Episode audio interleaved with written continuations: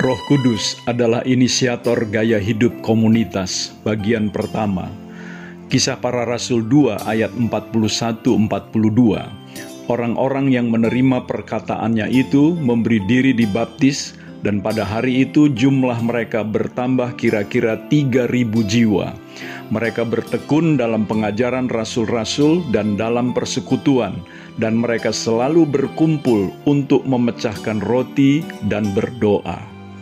Cara hidup seperti yang tertulis dalam ayat-ayat yang baru saja kita dengar bersama, dan nanti juga dalam ayat-ayat selanjutnya, adalah sebuah cara hidup yang tidak pernah tercatat sebelumnya sebagai sebuah cara hidup berjemaat.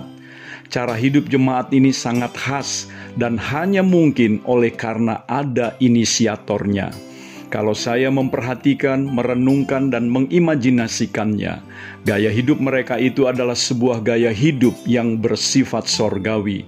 Artinya, di mana mereka berada, gaya hidup mereka mendatangkan suasana sorga di bumi. Buktinya, mereka semua disukai oleh semua orang.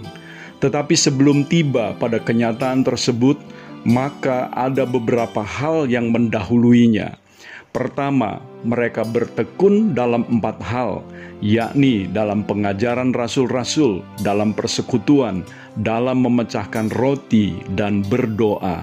Saya percaya inilah dasar paling penting yang mengawali kehidupan bersama dari orang-orang percaya yang dikuasai oleh Roh Kudus. Roh Kudus adalah roh kebenaran yang Bapa utus untuk memimpin semua orang percaya ke dalam seluruh kebenaran. Karena itu, mereka yang lahir baru dan penuh Roh Kudus pasti akan haus dan mencintai kebenaran. Itu sebabnya hal mendasar yang dilakukan oleh jemaat yang mula-mula adalah bertekun dalam pengajaran rasul-rasul Pengajaran yang benar merupakan fondasi yang kokoh bagi kehidupan iman Kristen. Tanpa pengajaran yang benar, maka gereja tidak akan menjadi gereja yang kokoh. Pengajaran ini adalah pengajaran yang rasul-rasul telah dengar sendiri dari Tuhan Yesus, yakni pengajaran yang disampaikannya dalam khotbah di bukit kita semua tahu ketika mengakhiri khotbahnya yang sangat terkenal tersebut, Tuhan Yesus mengatakan, "Setiap orang yang mendengar perkataanku dan melakukannya, ia sama dengan orang yang bijaksana yang mendirikan rumahnya di atas batu. Kemudian turunlah hujan dan datanglah banjir, lalu angin melanda rumah itu, tetapi rumah itu tidak rubuh sebab didirikan di atas batu." Di atas dasar ketaatan kepada pengajaran yang benar, maka kehidupan gereja akan semakin kokoh dan semakin kuat dalam menghadapi tantangan maupun ujian. Roh Kudus juga membawa jemaat yang mula-mula itu untuk bertekun dalam persekutuan. Kata persekutuan di sini memiliki arti suatu persekutuan dengan partisipasi intim. Jadi bukan hanya sekedar berkumpul untuk mendengar pengajaran rasul-rasul, tetapi mereka saling berbagi, membagikan hidup mereka di dalam komunitas seperti sebuah keluarga. Selanjutnya Roh Kudus juga membawa jemaat tersebut untuk bertekun dalam memecahkan roti. Aktivitas ini memiliki dua bagian. Yang pertama makan dan minum bersama, dan selanjutnya juga makan perjamuan Tuhan untuk mengingat kematiannya.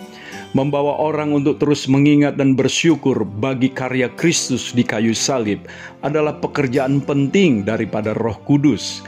Karena itu, mereka yang penuh roh akan dipenuhi rasa syukur, pertama-tama karena mengingat pengorbanan dan kematian Kristus di kayu salib Roh akan membawa orang percaya untuk makin mendalam pengertiannya terhadap makna salib yang penuh kuasa itu.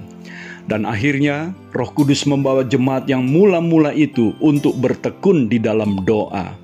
Saudaraku, kalau mau melihat orang yang dipimpin dan dikuasai oleh Roh Kudus, salah satu caranya adalah dengan melihat apakah orang percaya itu masih dan terus bertekun dalam doa.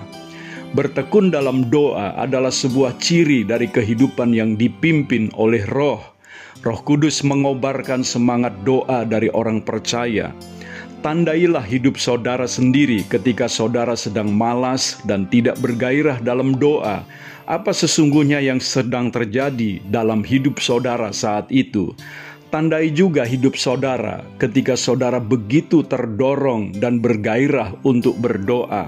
Apakah yang menyebabkan hal itu? Alkitab mengatakan bahwa persahabatan dengan dunia ini akan menjadikan kita musuh Allah Apakah kaitannya dengan kegairahan untuk bertekun dalam doa secara pribadi maupun secara korporat? Saudaraku, jatuh cinta kepada dunia akan membuat kita malas berdoa, membuat kegairahan kita untuk berdoa menjadi padam. Bahkan itu juga akan mematikan gairah dan ketekunan kita untuk melakukan firman Tuhan dan bersekutu dengan orang percaya lainnya. Hari ini datanglah kepada Tuhan, mengakui kesalahan kita jika kita telah lama tidak lagi hidup bertekun dalam doa, dan minta Dia memenuhi kita lagi dengan Roh Kudusnya. Saya Theo Barahama, Bring Heaven Home. Tuhan Yesus memberkati saudara.